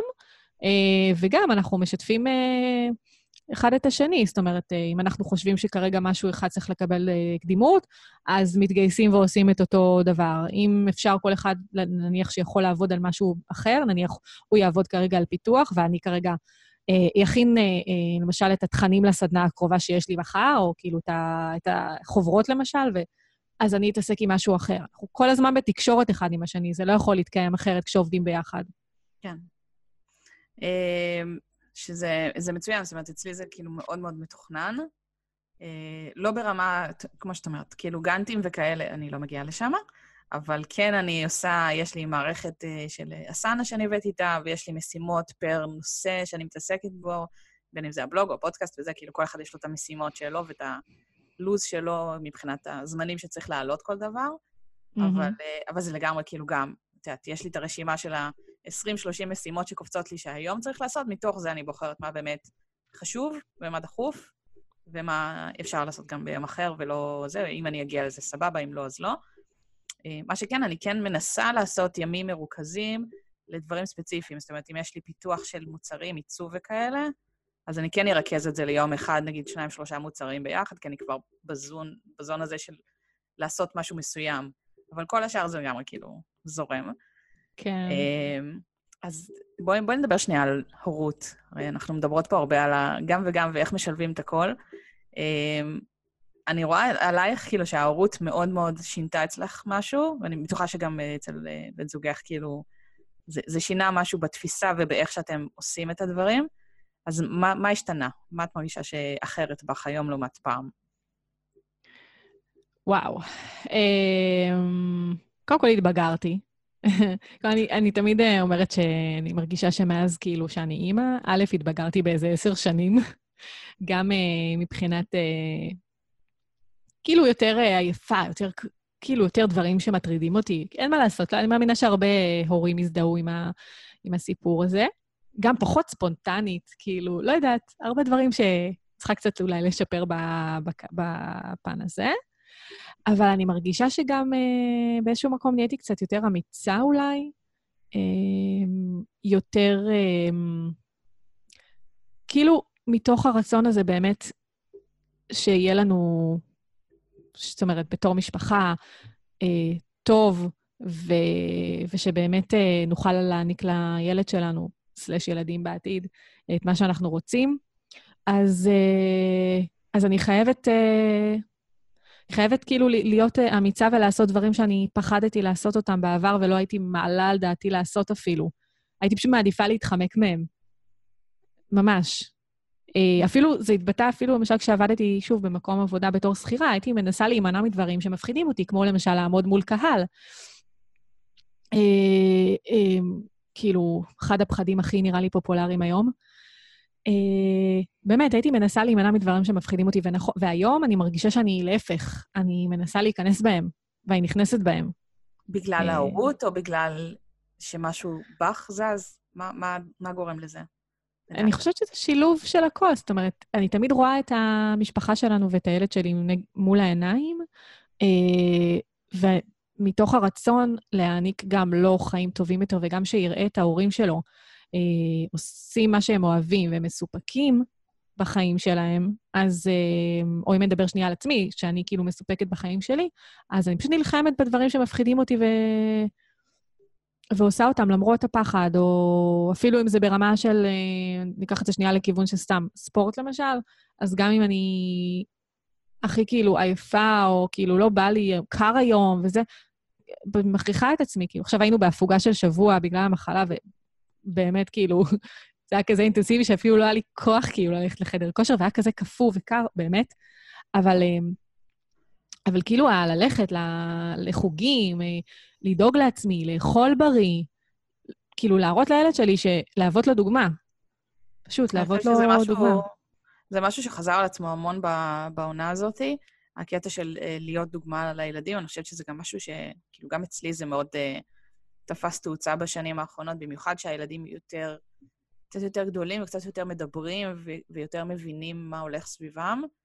Uh, אני חושבת שהקטע של להראות דוגמה של איך, איך אנחנו מתנהגים ומה אנחנו עושים, הכושר שאני עושה, והמדיטציה שאני מראה להם מה זה ואיך עושים, וכאילו יוגה, וכל מיני דברים שאני כאילו גם מראה להם מתוך זה שאני עושה, ולאו דווקא מלמדת אותם, זה מאוד מאוד משפיע על, אה, על מי שהם מתפתחים להיות. וזה מאוד uh, מגניב כזה לראות uh, שאת יודעת, הם היום שבע וחמש עוד שנייה, וכאילו, זה מגניב לראות שהם אשכרה קולטים דברים ומיישמים אותם על עצמם ומבינים דברים ב, במעבר לזה, ונגיד, אחת הבנות שלנו, כאילו, היא מאוד כזה, כבר מדברת על יזמות, ובואו נמכור דברים, ובואו נעשה דברים, וכאילו, ואני יופי. זורמת עם זה לגמרי, כאילו, מבחינתי, זה החלום, כאילו, היא יודעת שאני כזה דוחפת אותה, לא בקטע של, את יודעת, ש- שיהיו עצמאים או זה, אבל כן להבין שכאילו, העולם של האפשרויות הוא כל כך ענק היום, שזה כאילו חבל לא לתפוס ו- ולנצל את זה. אני חושבת שזה משהו שנגיד אצלכם, מה שאני לומדת היום, זה כאילו מאוד מאוד ברור, שכאילו לקחת את העולם הזה של ההזדמנויות שקיים בחוץ ופשוט ליצור משהו ש... שהוא לא קיים ושהוא יכול אה, להביא הרבה מאוד שקט והכנסה ו... וכיף כאילו גם לחיים, להתעסק במשהו שמאוד אוהבים וליצור משהו שהוא לא היה קיים לפני זה. זה משהו שכאילו היה אצלך תמיד הקטע היזמי, או שזה כזה מאז שאתם זוג, או שכאילו זה התחיל אה, לבצבץ כזה? זה קטע שאת אה, שואלת, כי האמת שאף פעם כאילו לא חשבתי על זה, עד שבאמת אה, התחילו לדבר על כל המושג הזה של אנשי העולם החדש וכל הדבר הזה, אבל אה, אם כאילו אני נזכרת ב... בתור ילדה, כאילו אני בתור ילדה, אז באיזשהו מקום תמיד היה לי את הקטע היזמי הזה של לעשות דברים ולעשות כסף, כאילו, לא משנה, אפילו כסף בקטנה, אבל בתור ילדה זה היה המון בשבילי. אה, וכן עשיתי המון דברים. אה, למשל, גרתי בשכונה, אה, היינו שכונה ככה מאוד מגובשת, כל ילדי השכונה, אז, אז א', אני ועוד חברה יצרנו קייטנה לילדי השכונה, גבינו חמישה שקלים מכל ילד, כאילו מההורים, ועשינו להם כזה בחופש הגדול, קייטנה ממש עם פעילויות ופרסים, הלכנו לקנות להם אה, עם הכסף הזה כאילו פרסים ואוכל, שתייה, אה, ו- וגם כאילו השארנו לעצמנו חלק מההכנסה המטורפת שעשינו. אה, והייתי הולכת אה, עם שכן שלי אה, בבניין, אה, הצענו לשטוף אה, את הכניסות של ה... זה היה כאילו ממש שרשרת של בניינים. אה, פשוט עברנו אה, בניין-בניין, ושאלנו אם הם רוצים אה, מנקי, כאילו מנקים, שישטפו להם את המדרגות תמורת כסף, גם סכום סמלי. והיינו שוטפים, היה כמה בניינים שהיינו שוטפים אה, קבוע. אה, כמה, אני לא זוכרת כמה זה נמשך אפילו, הסיפור הזה. אה, ו, ו, והיו, זאת אומרת, אני... אה, ובייביסיטר כמובן שהייתי עושה המון, כמו נראה לי הרבה ילדים. אה, וזהו, ואני חושבת שכאילו כשגדלתי, אז איכשהו זה כזה... כאילו איפשהו נעלם. אה, ובתור נערה הייתי עובדת בהמון מקומות. תמיד חיפשתי ליצור לעצמי את הפרנסה שלי, אבל אה, זה תמיד היה בתור אה, שכירה, כאילו, מלצרית, כן, מלצרית פה, מלצרית שם. הייתי עושה אירועים גם וכאלה, אבל... אבל הקטע היזמי נשאר בילדות, ו- וזה חזר, כאילו, אפשר להגיד, אה, אחרי שהקמנו עסק, אני ובעלי, אפשר להגיד שזה ניצת שוב ב- בעידוד אה, בעלי. זה מגניב. האמת שזה, הם רואים את זה כאילו אצל הרבה יזמים, שזה איפשהו היה... זה התחיל איפשהו בילדות, הניצנים של זה, כזה לעשות אה, דוכן פה וזה שם, וכאילו כל מיני דברים קטנים כאלה של להרוויח עוד כסף, ואז פתאום, כשמבוגרים כבר, זה פתאום מתפרץ כזה, ואומרים, אוקיי, טוב, אפשר לעשות משהו ב scale הרבה יותר גדול. אצלי זה, כאילו, הזכרתי את זה לאחרונה ממש, שזה היה... אה, בזמנו, כשהיינו ילדות, אז היה כזה את הקטע של לעשות עגילים מ... אה, איך זה נקרא? התווים כאלה של, אה, של בטיחות או whatever, לא יודעת איך קוראים לדבר הזה. כאילו, מהמם. לוקחים איזה עטב כזה קטן, משחילים בו את החרוזים, סוגרים את זה בחזרה, שמים את התופסן של האוזן, וכאילו באמת, קונים את המרכיבים בגרושים, ואז בסוף אמרתי, ל- זה, כאילו היינו יושבות ועושות את זה כתחביב כזה, אני ועוד איזה חברה, ואז כאילו אמרתי לה, תקשיבי, יש מצב שכאילו אפשר למכור את זה לחברות, וזה... וכאילו, באמת, פעם אחת פתחנו דוכן, מכרנו איזה כמה, היה נחמד, זהו, בזה זה נגמר ההרפתקה הזאת, והמשכנו לעשות לבד. אבל זה תמיד היה שם, זאת אומרת, תמיד כאילו חשבתי על איך לעשות עוד כסף ועוד דברים, וגם כשעבדתי כשכירה, אז כאילו... אז אמרתי, אוקיי, אני מוכרת רישיונות של מייקרוסופט, אה, ואני רואה אחרים כאילו שיש להם עסקים שמוכרים את הרישיונות ומה הם עושים בדיוק, וזה כאילו היה כל כך נראה קל מבחוץ להגיד, טוב, בוא נפתח עסק של זה, וממש כאילו כבר חשבתי עם איזה ידיד, בוא נעשה עסק ונעשה ככה ונמכור, ויש לנו כבר קשרים וזה. בסוף זה נפל כאילו ולא לא המשכנו. אוי, אבל- למה זה נפל? אני חושבת, קודם כל הייתי נורא צעירה, הייתי כאילו בת 21 או משהו כזה, זה היה ממש כאילו תינוקת. אמ, אני לא זוכרת למה זה נפל, אני חושבת שהוא רצה להיות, להמשיך להיות שכיר ולא רצה כאילו את ההרפתקה, הוא גם היה כאילו יותר מבוגר mm. ממני. אמ, שאלה טובה, לא יודעת. אחרי זה הלכתי לעבוד כשכירה בתחום הזה, וכאילו הבנתי כמה זה באמת סופר פשוט. זה אשכרה רק למכור כאילו משהו ואת יודעת, לגדול משם. אה, אבל יש מצב שזה פשוט לא עניין. כאילו, אני חושבת שאחד הדברים הכי חשובים במה שאני עושה היום, שזה סופר סופר מעניין אותי הדברים שאני מתעסקת בהם, ולכן זה גדל. כי כשאני מתעסקת בדברים שפחות מעניינים אותי, או פחות כיף לי לעשות כבר, כמו התחום של העיצוב גרפי שעזבתי אותו לפני איזה שנה ומשהו, אה, אז רואים את זה. זאת אומרת, גם אני מרגישה פחות כיף, וגם זה משתקף ללקוחות, ואז גם פחות באים, כי רואים שאני לא משווקת את זה בהנאה. Mm-hmm. אז ספרי קצת מבחינת העסק שלך, של אודיו בריין. אה, איך הגעת אליו? כאילו, זה אנחנו פחות או יותר כיסינו, אבל כאילו, איך, איך הבנת שאת רוצה להעביר סדנאות? איזה סוג של מוצרים או קורסים וזה, כאילו, חשבת בהתחלה ואיך זה התפתח, ומה את עושה היום עם זה? אז באמת uh, הגעתי לזה, כמו שאמרתי, מתוך הפודקאסט, מתוך זה שאנשים התחילו לפנות אליי ו... ורצו לדעת איך להקים, שאלו אותי על הפודקאסט שלי, המון המון שאלות. Uh, ואז בעצם uh, הבנתי שיש בעצם פוטנציאל, כי גם אז לא היה המון מידע, ועדיין, כאילו יש מידע אונליין, אבל שוב, לא על הכל. Uh, ואני יכולה להגיד שמה שחשבתי שיהיה לעומת מה שבפועל, שני דברים שונים. זאת אומרת, חשבתי שאפשר, סבבה, אני אוציא קורס, ועל כאילו על איך להקים פודקאסט, אה, אעשה סדנאות, ו- וזהו, כאילו, כי אין יותר מדי, כאילו, יש מידע, אבל לא הבנתי עד כמה אפשר להרחיב את זה, ועד כמה אנשים אה, לא רק רוצים לדעת איזה ציוד צריך כדי להתחיל פודקאסט, הם, או איך להפיץ את הפודקאסט, יש גם הרבה דברים מעבר. למשל, יש אנשים שיש להם מחסום פסיכולוגי מאוד קשה. בין אם זה אה, להניע את עצמם לעשות משהו חדש, כמו להתמודד עכשיו עם, אה, עם כאילו, עם, עם משהו שהם לא מכירים, אה, שזה הציוד עצמו, כאילו, איך, איך לתפעל אותו, אה, איך לראיין אנשים, שזה משהו שכמו שזה הלחיץ אותי מאוד בהתחלה, זה מלחיץ הרבה אנשים, איך להתמיד עם הפודקאסט, איך, איך כאילו לא רק להתמיד איתו, איך להצליח לתחזק אותו בצורה טובה, איך לג'נגל, לנהל את הזמן. כאילו, יש כל כך הרבה דברים שלא חשבתי בהתחלה שאני אצטרך, אה, יותר נכון, כאילו, לא אצטרך לדבר עליהם, אלא בכלל יעניין מישהו שאני אדבר עליו, אה, ידבר עליהם, וגיליתי עם הזמן שיש נושאים שלא חשבתי, אבל מאוד מאוד מעניינים, וזה משהו שגיליתי רק דרך הלקוחות. זאת אומרת, ככל שאני מדברת עם יותר אנשים, לקוחות סלש לקוחות פוטנציאליים, אני, אני רואה שכאילו אפשר להרחיב את, ה, את הדבר הזה להרבה מעבר. אה, כן. וכל הזמן מגלה נושאים חדשים לדבר עליהם. אז היום יש לך בעצם קורס אונליין אה, וסדנה גם, מה ההבדל ביניהם? אז זהו, אז בגדול שני השירותים העיקריים, סלש מוצרים, זה קורס אונליין, שהקורס הוא קורס מקיף של עשר שעות, שעם הזמן כמובן אני אוסיף עוד תכנים, אבל המטרה שלו היא כמובן שבסוף אה, אותו בן אדם שרכש את הקורס יצא עם פודקאסט, ולכן אני גם לא רוצה להעמיס מידע. זאת אומרת, ישבתי עם כל הסילבוס וחשבתי לעצמי, החלטתי איזה תכנים אני רוצה אה, שבסוף יופיעו בסילבוס ואיזה תכנים אפשר כרגע להשאיר אותם בצד, כדי לא לבלבל יותר מדי, אבל עדיין יש שם עשר שעות של תכנים. אה, ויש את הסדנה. עכשיו, ההבדל המהותי בין השניים זה שא', הסדנה היא מתרחשת גם פרונטלית וגם אונליין, והמטרה של הסדנה היא להסיר חסמים, חסמים טכניים מכל מה שקשור בהפקה של פודקאסט.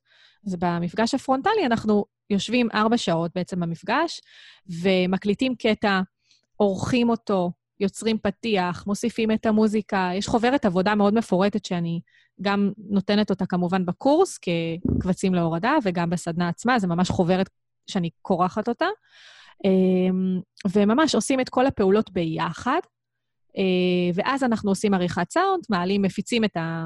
מייצאים את הקובץ ומעלים אותו לשירות האחסון להפצה ראשונית.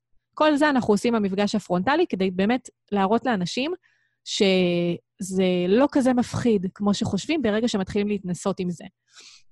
כן. וגם uh, מפגש אונליין נוסף, שבו אנחנו מדברים על הפצה ועל השיווק של הפודקאסט, שהוא יותר uh, ברמה של הדרכה. זאת אומרת, אפשר לשאול שאלות, כמובן יש שיח, זה הכל מתבצע דרך תוכנת זום, אבל זה יותר הדרכה, כי אין פה משהו טכני יותר מדי. אני פשוט, uh, יש מצגת, אני מראה את המסכים, היא לוקחת את האנשים מאחורי הקלעים של הפודקאסט שלי, היא מכניסה אותם לקבוצה, כאילו מראה, אותם, מראה להם איך הקבוצה שלי מתנהלת, אה, מראה להם דברים שאני עושה, פשוט ממש נותנת להם את כל הידע שיש לי אה, שקשור לשיווק והפצה. אה, והקורס הוא, א', מתאים למי שאוהב ללמוד לבד. יש אנשים שהעדיפו לרכוש את הקורס כי, אה, למשל, יש, יש לי לקוחה שהיא אימא בחינוך ביתי, ולא מתאים לה להגיע לסדנה, כי עם הילדים שלה היא בחינוך ביתי. אז היא, היא רכשה את הקורס כדי שבערב, בערבים, היא תוכל לשבת ולצפות בתכנים לבד. כן. ויש אנשים ש... שגם לא יכולים פשוט להגיע לסדנה, כי הסדנה מתקיימת בחולון, ויש אנשים שגרים א', או בחו"ל, אה, ב', הם גרים אה, רחוק מאוד, אילת, באר שבע, צפון.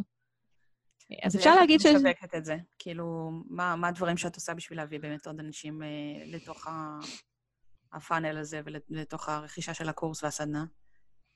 אה, אז אני עושה, אני אגיד גם שאני נותנת אה, ייעוצים וליוויים, אני גם עושה סדנאות לארגונים ולחברות, אה, אבל כאילו הייעוץ הוא מבחינתי, הוא כאילו מוצר משלים, כי באמת באמת שרוב התוכן ניתן בקורס ובסדנה, ו- וזה לדעתי מה שנכון, אבל אני, כמובן, מי שרוצה להתייעץ איתי, אנחנו מקיימים שיחה ומתאימים לו את המוצר שמתאים לו. אה, ואיך אני משווקת? אז אני עושה המון דברים. קודם כל, כותבת תכנים. אה, יש לי גם אתר חברים חינמי שאני מעלה אליו מדריכים. אפשר להירשם פשוט בחינם, רק עם אה, מייל, ולקבל מדריכים, בין אם זה למשל מדריכים על על uh, מכשיר הקלטה שאני עובדת איתו, פשוט יש ממש, uh, אני מצלמת אותו מלמעלה כזה, ממש מסבירה על כל, uh, כל דבר על המכשיר, נותנת דגשים, דברים שלמדתי מהניסיון שלי, כל מיני טיפים ו- וכאלה, ותכנים טובים, ו- ובנוסף, אני עושה המון המון לייבים.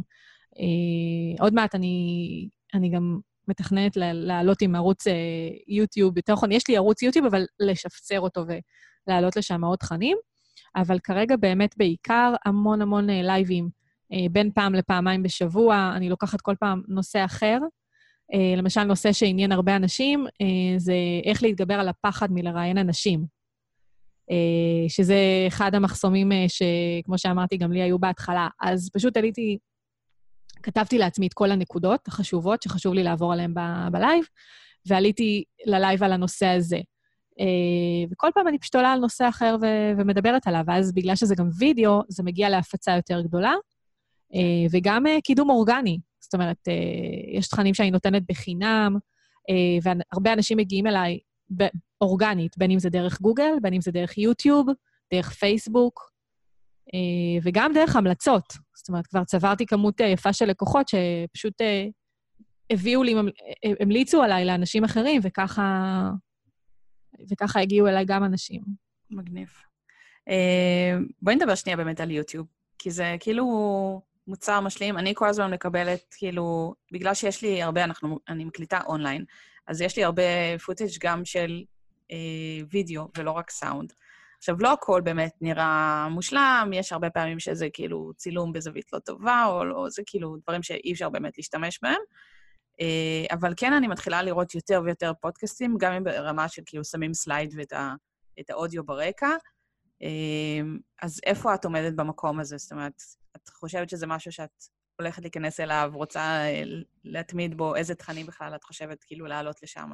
כי אני נגיד תקועה עכשיו על השלב הזה של כאילו, יש לי מלא תכנים, ויש מלא תכנים שאני רוצה לייצר, אבל איזה, מה אני בוחרת, איך אני בכלל מסדרת לי את הלו"ז, מה, מה אני עושה וכאלה. אז כן. קצת הצצה לראש שלך בקטע הזה. אה, סבבה, אני רק אגיד, קודם כל, שכחתי לציין לגבי השיווק, שאני גם משווקת את אודיוברנד בפודקאסט שלי. אה, כי הפודקאסט שלי פונה לנשים שהן גם עצמאיות, אה, אז בתחילת כל פרק אני פשוט אומרת ככה כמה מילים, אני אומרת שאם מישהי רוצה להתחיל פודקאסט, היא מוזמנת לאחת מהסדנאות שלי, כאילו כל פעם אני משנה את הטקסט. אז גם משם מגיעים אליי לקוחות. ולגבי יוטיוב, אני בדיוק עכשיו ככה שמתי לעצמי ככה מטרה אה, לשבוע הזה, אבל זה יידחה לשבוע הבא, כי שוב, הבן שלי היה חולה, אה, לשבת ולחשוב באמת איזה סוגי תכנים אני רוצה להעלות ליוטיוב, לעשות לעצמי ככה רשימה, אה, ולמצוא את הייחודיות של הערוץ. כי אני רואה את יוטיוב כמקום שהווידאוים שם צריכים להיות קצת יותר מלוטשים, קצת יותר, יותר ערוכים. כאילו להביא את זה לאיזושהי כאילו רמה אחרת. נכון לעכשיו, מה שאני עושה, אני לוקחת את הלייבים שלי ומעלה אותם ליוטיוב. אבל אני כן רוצה שזה יהיה, אה, שזה יהיה קצת יותר ערוך, כאילו, יותר, מעניין, יותר כאילו, אני לא יודעת אם להגיד מעניין, כי כל אחד יש לו את הסוג התכנים שהוא אוהב לצפות, אבל אני עוד לא סגורה על העניין הזה, אני כן, חשוב לי שזה יהיה ייחודי, זאת אומרת, שזה ייראה שונה מהלייבים. אה, כי live זה משהו אחד, זה יותר ספונטני, יש גם מקום יותר ל... ככה... אה, יותר כאילו לספונטניות, אה, לא הכל מלוטש כזה, זה בסדר. וביוטיוב חשוב לי שזה ייראה אחרת. אז אני עדיין עובדת על זה. ככה חושבת. זהו, אני כאילו, בגלל שזה שני עסקים שונים, כאילו, יש לי גם עסק של בלוג וחנות לדברים של ילדים, שגם שם יש המון מה לדבר על הורות ו- והמוצרים עצמם וכאלה, ולהראות, כאילו, יש היום המון סטודיו ולוג שמראים איך עושים ואיך אורזים וזה, uh, שזה מעניין, אבל זה נראה לי משהו שכאילו פחות אני אתעסק בו ביוטיוב עצמו. ודווקא העסק השני שלי, של קורסים על מתנות דיגיטליות ורשימות תפוצה וכאלה, זה משהו שכאילו יש לו קהל מאוד מאוד טוב בארץ. יש יחסית לא הרבה תכנים ביוטיוב, אם בכלל, כאילו ממש טיפונת כזה. אה, אבל גם ללכת ולהבין איזה תכנים בדיוק ואיזה סדר העלאה. כאילו, זה אשכרה עוד פלטפורמה, ונכון להיום אני כבר מתחזקת לא מעט פלטפורמות במקביל. אז, אה, אז זה דורש באמת את ההבנה, כמו שבעצם היה לי עם הפודקאסט ועם שאר הדברים, של איזה תדירות ואיזה סוג של תכנים, ו- ומה בכלל, כאילו, איך אני רוצה שזה ייראה, מה אורך הווידאוים, אה, מה בא לי שזה יעשה, כאילו איזה אפקט, גם מן הסתם איזה קהל זה צריך להביא, ולאן אני מפנה אותם משם, כאילו, מה, נכון. מה השלב הבא. אה, לגמרי. ש, כאילו, יש איזה שינוי שעשיתי לאחרונה, שחשבתי כאילו על, על משפכים ומי אני רוצה להביא מאיפה ו, וכמה ולמה, ואז הבנתי שבעצם הרבה מהקוראים של הבלוג שלי אה, לא מכירים את הקבוצת פייסבוק. עכשיו, תכלס, בקבוצת פייסבוק גם יש יותר שיווק ויש יותר הודעות על מוצרים חדשים, וגם יש הרבה יותר שיחה. אה, אז פשוט עשיתי, שיניתי את הפוטו והוספתי כאילו כפתור אחד, הצטרפו לקבוצת פייסבוק, ומאז כאילו זה מטורף, כל הזמן יש מצטרפים חדשים לקבוצה, וכאילו, הם מגיעים משם, הם מגיעים מהמלצות של הפייסבוק שמעלה להם, כאילו, המלצות על קבוצות נוספות.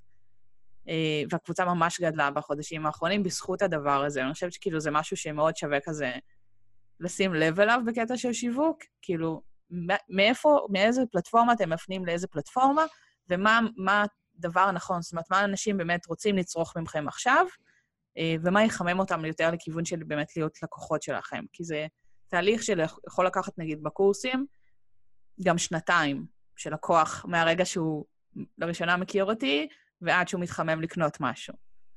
לגמרי. אה, אז, אז איך אצלך את בונה את, ה, את המשפכים? זאת אומרת, איך את מתכננת מי יעבור מאיפה, כמה ולמה? אז אין לי, כאילו, אין לי באמת אה, ככה ממש שרטוטים של משפכים והכול. אני כן יכולה להגיד שיש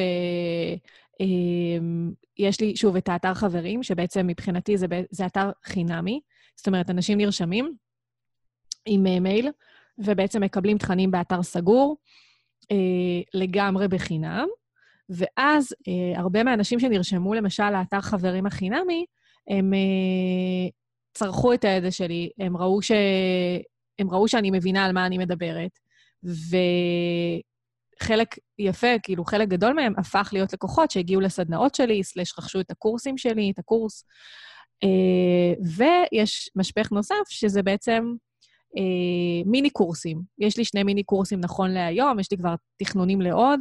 אבל כרגע זה פחות בעדיפות, אה, של אנשים שאני פשוט מוכרת מיני קורס של שמונה וידאוים בערך, משהו כזה, שמונה, תשעה וידאוים, עם תוכן שווה, ואני מוכרת אותו בעלות סמלית. וזה גם יצרתי עבור, אה, עבור המיני קורסים האלה קמפיינים ממומנים בעבר, ופעם בכמה זמן אני עושה את זה, ואנשים פשוט אה, רוכשים את המיני קורס הזה, נחשפים שוב לתכנים שלי, שם גם, גם במיני קורסים אני שמה צ'קליסטים, זאת אומרת, אני, אני פשוט מנדבת את כל, כל הידע ש, שאני יכולה על הנישה הספציפית הזו שבחרתי להתרכז, וגם משם האנשים מגיעים לסדנאות שלי ולקורסים שלי, אה, אז זה משפך נוסף.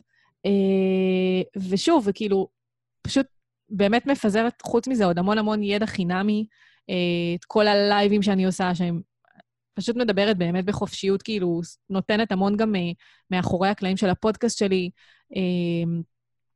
מדברת על מקרים שקרו לי עם הפודקאסט, פשוט נותנת לאנשים את האפשרות להתחבר אליי אה, דרך התכנים שלי, ומי שמתחבר, אז הרבה פעמים פשוט אחר כך הופך ללקוח. כאילו, יש לי הרבה פעמים שיחות טלפון עם... אה, אה, אפילו בארגונים, שבסוף, בהרבה ארגונים, בסוף מי שבוחר או מי שמוביל את המהלך זה בן אדם אחד.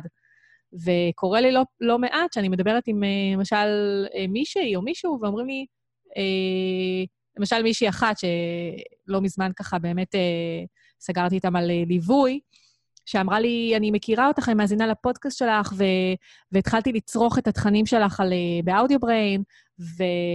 ואנחנו רוצים אותך. כאילו, אנחנו רוצים אותך, פשוט, כי ככה היא אמרה לי. אנחנו רוצים שאת תתני לנו ייעוץ. אז איזה באמת אז... ייעוץ את נותנת לארגונים? איך זה... אני מניחה שזה שונה בהרבה מאשר מישהו עצמאי שרוצה לפתוח עסק ו... ורוצה שיהיה לו גם כאילו את הפודקאסט שלו. אז uh, בארגונים, באמת uh, זה יכול להיות, זה תלוי צרכים. זאת אומרת, יש הרבה ארגונים שרוצים להקים פודקאסט פנימי לעובדים שלהם. לא פודקאסט שהם רוצים להפיץ אותו לכל, לכלל. Um, ו, ואז בעצם מה שאנחנו עושים הרבה פעמים, uh, א', עושים סדנה. למשל, uh, סדנת פודקאסט uh, שבוע שעבר עשיתי לחברת ג'נסן, ג'נסן, סליחה, שהיא שייכת לג'ונסון ג'ונסון, על שש בנות מקסימות שהולכות להקים פודקאסט פנימי, כאילו, בתוך הארגון שלהם, אה, והם רצו שאני אעביר להם סדנה. זו סדנה שאני עושה בחולון, ש, שפשוט לדמות פודקאסט, ממש, כאילו להקליט, לערוך, להתנסות עם ההקלטה. אני גם מביאה את כל הציוד שלי. זאת אומרת, כל הציוד שלי זה ציוד מקצועי שאני מקליטה איתו, אני מביאה אותו. הן, הן רואות מה זה ממשק אודיו, אה, מה זה סלאש כרטיס קול, הן רואות מה זה מיקרופון מקצועי, הן רואות את סוגי החיבורים, הן מבינות מה מתחבר למה. כאילו, ברגע שאנשים רואים את הדברים האלה, זה, זה עושה שכל, כאילו, זה מפשט את הדברים. כן. אה, פשוט ממש עושות את הכל, הקלטה, עריכה, עריכת סאונד, ההפצה, הכל. אז יש כאלה שרוצים שאני אעשה סדנה, בין אם היא סדנה חווייתית, בין אם היא סדנה מקצועית, כל אחד וה, והצרכים שלו, ויש כאלה שרוצים רק את הליווי. והליווי יכול להיות אונליין, שזה גם משהו שאני עושה. אנחנו סוגרים על איזשהו בנק של שיחות ייעוץ, שבכל שיחה אנחנו מתקדמים שלב-שלב.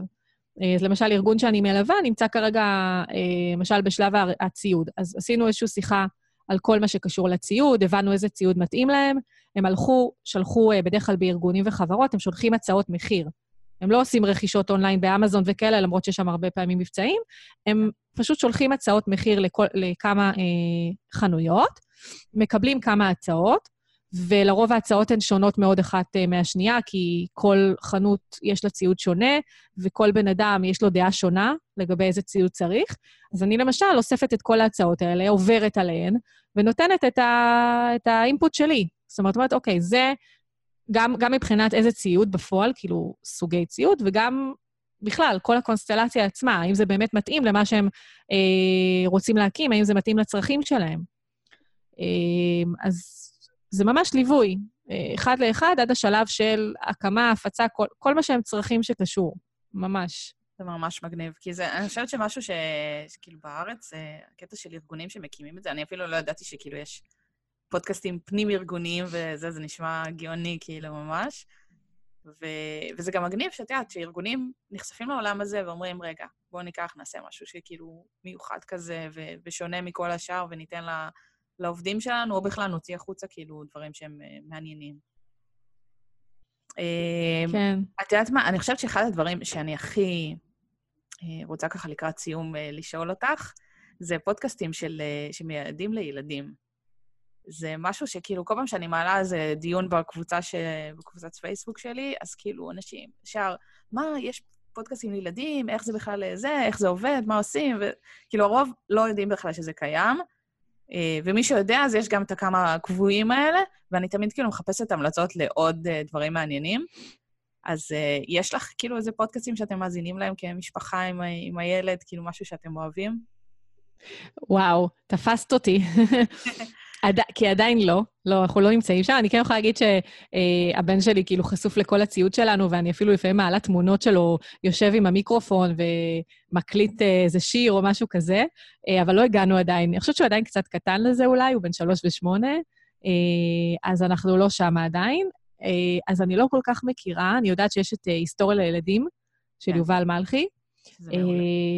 כן, אז לא יצא לנו עדיין. גם, אבל זה כן, זה באמת קצת ליותר גדולים, אבל האמת שאנחנו, כאילו, אצלנו נגיד יש את תנינה, שזה גם של החינוכית. אוקיי. Okay. זו סדרה, שזה מבוסס לפי דעתי על איזה ספר או משהו, אה, וזה פשוט סדרה של איזה שמונה פרקים של פודקאסט, והוא ממש כאילו נורא חווייתי כזה, עם סאונד אפקט וזה, ושכאילו מלא סיפורים קצרים כאלה על מכשפה שקוראים לה תנינה. וואו, תנינה אני אחפש. תקשיבי, הילדים שלי מתים על זה. מה שכן, אזהרה למי שיש לו ילדים ממש קטנים, אה, יש שם אה, קללות בקטנה, כאילו טיפש, מטומטם כזה. אה, ממש, אוי, כאילו, למה? בנגיעות. כן, לא ברור למה. כאילו, אפשר גם, אפשר גם היה לסנן את זה ו- ולעשות זה, אבל זה כנראה בסיפור הזה, אין להם ברירה. ואני כל פעם כאילו מצטמררת שאני אומרת, כאילו, רגע, הילדים שלי עכשיו שומעים את זה והם שומעים קללה, מצד שני, זה נאמר בצורה חמודה, וגם הם יודעים שזה מילים שלא משתמשים בהם, אז זה עוד איכשהו כזה בסדר. אבל מעבר לזה, כאילו, הסיפורים עצמם פשוט מצחיקים בטירוף, ויש לה חתול וזה, וזה כאילו, כזה, מאוד מצחיק. מאוד... אה, וואי, אני... טוב. אני אקשיב, אני יכולה להגיד שלמשל, כשאנחנו מקריאים, כש... לא משנה, אני מקריאה סיפור למשל לבן שלי, אני יודעת שגם בעלי עושה את זה, ויש שם איזושהי מילה כמו טיפש או משהו כזה, אנחנו פשוט מדלגים עליה. כן. אה, לא אומרים אותה. למרות שהוא מן הסתם נחשף לדברים האלה, הוא בגן, הוא מכיר כל מיני מילים ושומע וזה, כאילו, אין מה לעשות. כן. אבל uh, קצת, קצת מבאס האמת לשמוע שיש, אה, שיש כאילו קללות, אבל אני, אני אקשיב, מעניין לשמוע את זה. זה ממש מגניב. אני חושבת שזה משהו כאילו... בעלי קצת מתבאס מזה תמיד, כי זה כאילו, אתה תופס לנו את כל הסאונד, וזה מבחינתו יכול להיות חופר כזה שהוא מנסה להתרכז בדברים שלו בפלאפון בזמן שאני נוהגת עם הילדים. אבל uh, הילדים מתים על זה, וזה כאילו נותן לנו מה זה מלא שקט בזמן נסיעות ארוכות. וואו. כשאני שמה, שמה פודקאסט, לרוב אני משתדלת לשים להם, יש כאילו כל מיני המעבדה, שזה על כאילו להבין קצת איך העולם עובד, ומדעים וכאלה, או באמת אה, היסטוריה לילדים, שזה גם מגניב. אה, ותכלס גם אני לומדת מזה המון, כאילו לא... ברור. זה כאילו לא נעים להגיד, אבל וואי, תקשיבי, זה אחד הדברים המגניבים, וזה גם כיף באופן כללי, כאילו... לראות אה, דברים כאלה שהם, אה, שהם נעשים ונעשים בצורה מאוד מאוד טובה. אה, כן. נלך שנייה לשאלה קצת על השראה. את מקודם דיברת על זה שאת לומדת המון אה, ושומעת המון פודקאסים, אז בואי תתני ככה איזה כמה דוגמאות לדברים שאת מאוד אוהבת אה, גם ללמוד מהם וגם אה, לשמוע בכלל בארץ, בעולם. אוקיי, okay, אה, אז קודם כל, כאילו, תלוי נושא, אני כל הזמן אה, מחפשת ביוטיוב, בעיקר ביוטיוב, אה, גם בגוגל, אה, בעיקר בחו"ל האמת, פחות בעברית, בעיקר באנגלית. אה, אבל דווקא פודקאסטים, אני כן אוהבת בעברית להקשיב.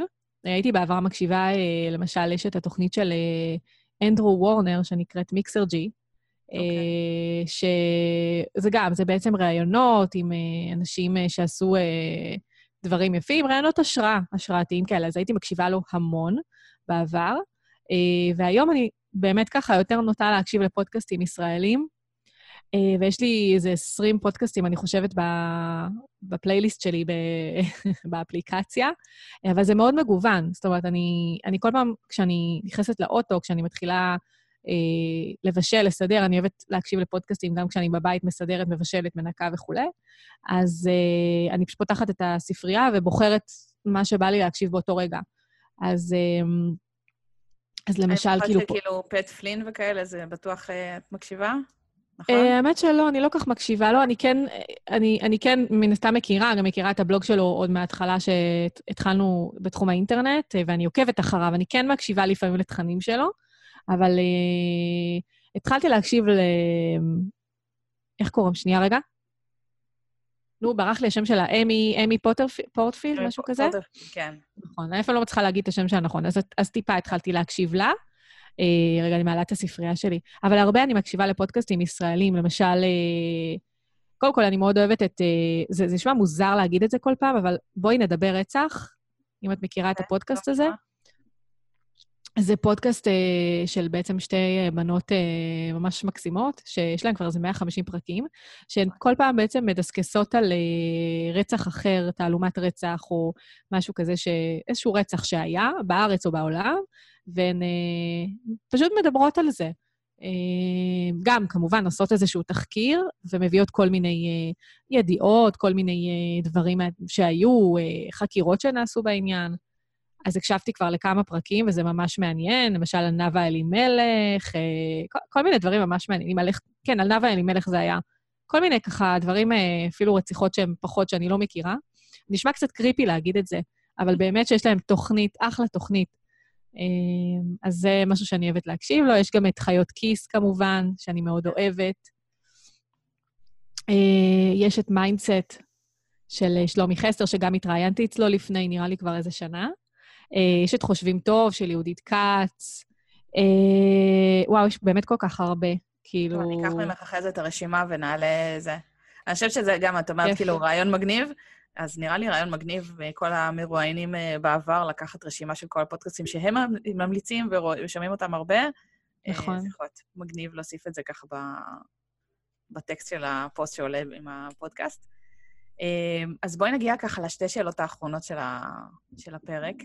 יאללה. אמ, קודם כל, מה היית מייעצת למי שפותחים היום עסק עצמאי?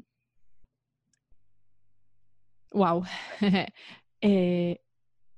הייתה לך עוד שאלה? רצית להגיד? לא, אני, אני בדרך כלל שואלת אותם ביחד, אבל כאילו דווקא רציתי אצלך להפריד את זה טיפה. השאלה השנייה זה מה היית מייעצת לעצמך בתחילת הדרך, מהניסיון שלך היום. אבל רוצי על זה איך שבא לך.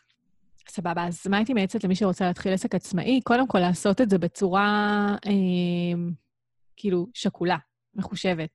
אה, אני יודעת שהרבה אנשים, סלש נשים, סתם למשל נשים שהן אה, נניח אה, לקראת לידה, אחרי לידה, הרבה נשים עושות את השינוי קריירה דווקא אחרי שהן הופכות לאימהות, שזה בדיוק מה שהפודקאסט שלי מדבר, אבל בכלל, כל מי שרוצה לצאת לעצמאות, אה, לעשות את זה בצורה שקולה. אה, א', שיש איזשהו ביטחון כלשהו, בין אם זה פרק זמן שחותמים אבטלה ומקבלים אבטלה, אה, וזה מאפשר בזמן הזה באמת אה, ללמוד את הדברים, להתנסות, אה, ובאמת שיש שקט נפשי כלשהו, שיש כסף בצד, בין אם זה באמת חיסכון כלשהו שיש, שאפשר לשים בצד לטובת הסיפור הזה, ולא לעשות את הצעד בצורה אימפולסיבית. שתמיד בן או בת הזוג יגבו, יהיו, יגבו אתכם ב-100 אחוז, כי בן זוג יכול או לעלות או להוריד. ו... וכשזה מוריד, אז, אה, אז כאילו קשה מאוד להתנהל ככה.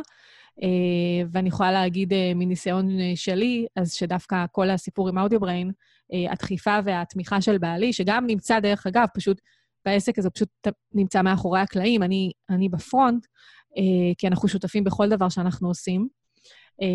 אז דווקא התמיכה שלו, והעידוד שלו והכל, והתמיכה שלו עוזרת לי כאילו לעשות דברים שלא חשבתי, כמו שאמרתי, הפחדים, אה, מה שמפחיד אותי לעשות, זה עוזר לי להתמודד איתם. וזה עוזר לי לקפוץ למים להרבה מקומות שפחדתי לקפוץ בעבר. אז תמיכה היא סופר חשובה. אה, אם יש ילדים בסיפור, ואפשר להיתמך על ידי בני משפחה נוספים, אם זה עזרה אה, נוספת, תשלום, בתשלום או לא בתשלום, כדי. אה, יאפשר לכם בזמן הזה להקים את העסק ולעבוד עליו, אה, אז גם כדאי.